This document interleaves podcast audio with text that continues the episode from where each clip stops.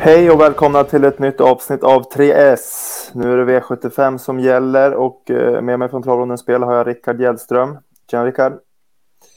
Tjena Fredrik! Tjena. tjena, tjena! Du, på lördag det är Jägersro som gäller eh, den här veckan och det börjar bli sommar i luften. Eh, syns det på, på tiden tycker jag sistone också att det börjar gå snabbare i loppen? Ja, det gör det ju verkligen. framförallt på de här banorna nu som har varit fina senaste veckan och med, med lite varmare väder och så, då, ja, då börjar tiderna sänkas och det börjar bli mer att det här att ännu mer leta spetsvinnare och hästar som är med i täten i alla fall. Det är svårare och svårare att ta någonting bakifrån. I, sen finns, går det ju att vinna i vissa lopp ändå bakifrån, men, men såklart. Men eh, vi kommer mot den här våren när, när eh, det blixtrar till och blir många spetsvinnare. Mm, mm. Jag såg det i lördags också. Där, att det, går fortare och fortare loppen. Det är bättre hästar som kommer ut och tävlar också och även kuskarna verkar ju vara lite på bättre humör när det är varmt också. Så, att, så att det blir lite friskare körningar också. Så är det. Ibland, Man kan ju säga, ibland, ibland är det ju till och med att just det där att det kan bli en, ehm, ja, nästan en, en mindre betrodd häst som kan så att säga rinna undan från ledningen på ett annat sätt. Mm, mm. Grymt. Eh, jag tycker vi går in på, på rubrikerna och ser om vi har någon spetsvinnare. Eh, första rubriken är ju som alltid eh, spiken.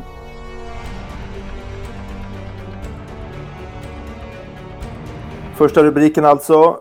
Spiken, omgångens bästa spik, Rickard. Vart, vart hittar vi den? Ja, den hittar vi i V75 7. Och ja, det är ett silverlopp, men herregud, vilket silverlopp det är det här då. Mm, vi har väldigt fina hästar i, på, på svensk mark här som tävlar. Den här silverdivisionen är verkligen många, många framtidshästar.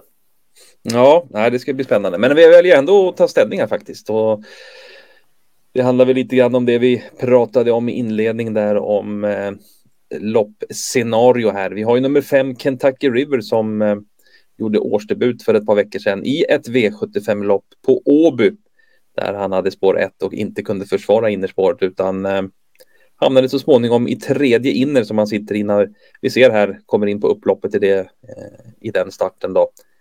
Eh, behind bars är det som vinner loppet och har kopplat grepp i det men oj vad han växlade tempo den sista biten Kentucky River. Riktigt vass avslutning måste man säga. Det var, det var ett sånt där skönt intryck att han kunde axa så bra. Han har ju varit Eh, att han har styrka och kunna eh, öppna en bit från start. Men på sådär kort speed där, det var, det var snyggt. Får man säga. Mm. Verkligen. Och jag pratade ju med Per i veckan och han sa att han självklart var han ute efter att vinna det loppet. Och var surt att han inte kunde göra det. Men eh, ska man förlora ett lopp då är det väl kanske på det där sättet man vill göra det. Att man liksom går med full fart över mållinjen. Framförallt när det är en årsdebut med, med en sån här häst som har en lång säsong framför sig. Mm, exakt, så att det vart väl det var väl nästan, nästan så lämpligt som det var förutom att han inte vann då kan man säga. Och eh, mm. det är faktiskt så att vi tror ju att han eh, får revansch eller vad man ska säga, revansch och revansch, men att han vinner den här gången. Vi, vi tror att det är Kentucky River som kommer sitta i ledningen efter en bit. Det är fyra eh, Bravo Sabotage där det är väldigt snabb ut. Eh, men eh, där utvändigt tror vi fem Kentucky River följer med och får överta och då framförallt håller en av de tuffaste konkurrenterna, nummer sex Karat River, utanpå sig och eh, ja, det lär inte bli så lätt att plocka ner fem Kentucky River då från ledningen. Så därför väljer vi helt enkelt att spika fem Kentucky River. Mm, grymt! Spets och slut på fem Kentucky River i V757. Eh, behöver inte säga så mycket mer där, utan vi går vidare till eh, nästa rubrik då, som är skrälloppet.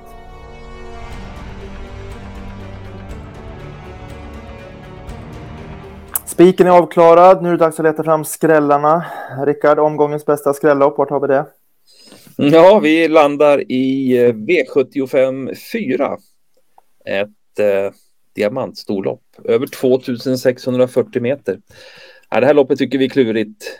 Eh, vi hade ju ingen eh, A-häst i vår ranking utan vi började med en eh, stor bred, stor bred B-grupp och eh, ja, det vurmar ju för att eh, vi tror på skräll här och eh, det, är så, det, det gör vi också. Mm, mm.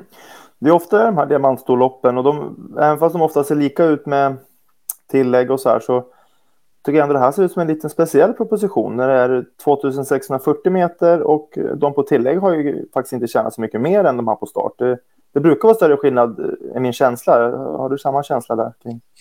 Ja, så är det nog. Men det kanske är för att det just är, lite längre distans också. Många, mm.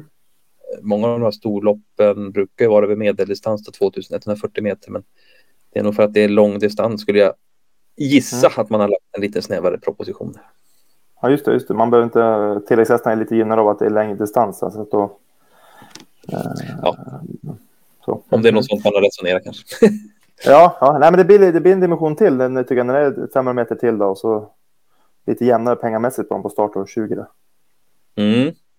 Mm. Ja, nej, så är det. Och um, det är ju små det, det, känns som det är rätt så små marginaler i de här loppen också, vad som ska eh, skilja från fiasko och succé och så där. Så att eh, det är väldigt jämna lopp och så. Så det är det är ganska ofta och ja, det är väldigt ofta det skräller i de här loppen och eh, det är också lätt att hitta skrällbud på något sätt för de, det finns många lågprocenter att plocka fram. Mm. Var, var, det något speciellt du vill lyfta fram i det här skrälloppet? ja, vi ska väl göra det. Vi ska, väl inte, vi ska väl inte bara prata om att det kan skrälla här, utan vi ska väl Komma med något konkret också. och eh, en som är intressant på startfållan där är ju tre eh, Miking, om den heter så, eller om den heter Miking. Mm. Eh, hur som helst så eh, ja, det är en väldigt fin eh, travare där. Vi ser ju ett lopp från i fjol, eh, senaste segerloppet där i november där Eh, där Stoet tog ledningen och eh, sedan sprintade undan till väldigt lätt seger. Och, ja, det är en fin, fin häst det där, fin travare. Eh, nu handlar det om årsdebut, men eh, Thomas Urberg låter väldigt uppåt där. Eh, säger faktiskt att hästen har tränat starkt och att han tror på en bra prestation direkt och sen i spår 3 eh, startsnabb häst. Thomas Urberg eh, bra på att skicka iväg hästarna från eh, start också så att Eh, det kan bli spets här och eh, sen, ja, sen om man kör sig spets eller inte, men en, en väldigt fin resa borde hon få här och ja, det är kul lågprocenter. Mm, mm. Grymt, men vi garderar rejält i V754 och den vi absolut inte missar är alltså nummer tre, eh, Miking där, Thomas Urbergs häst. Sen går vi vidare till den läskiga rubriken som heter Chaset.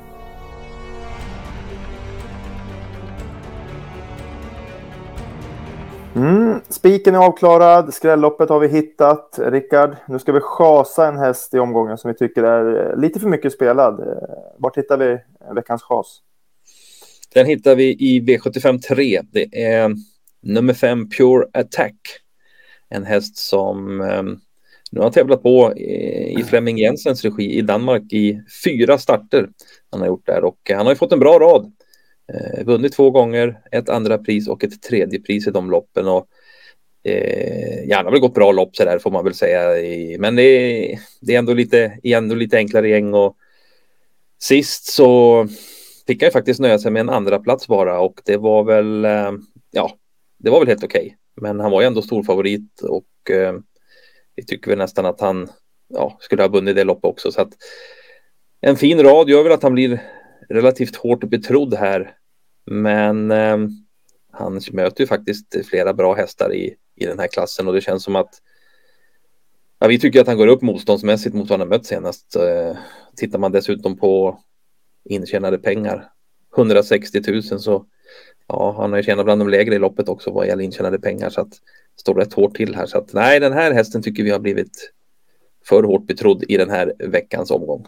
Mm, mm. Jag vet att du har pratat med Fleming också i veckan. Hur lät det på honom då? Var han optimist eller var han mer pessimist? Eller? Nej, han, det lät ju lite sådär som att eh, motståndet hårdnar nu och eh, sen är det alltid svårt att just vad gäller hans, ja, prata om chanser och så med han, men han, han tyckte att motståndet blir nog tuffare nu så att eh, vi får hoppas på pengar eller något sånt.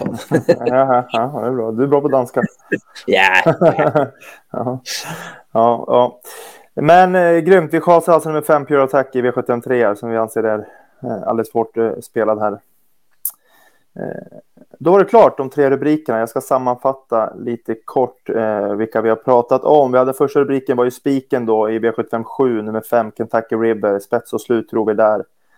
Eh, Skrälloppet hittar vi V754. Eh, Rickard nämner framförallt nummer tre Miking, Thomas Ubergs hästar som man inte får glömma det loppet när man väl garderar. Sen chasar vi nummer fem, Pure Attack i V753, Flemming Jensens häst som har, har skaffat sig en fin rad här på Ålborg, men går upp rejält eh, motståndsmässigt nu.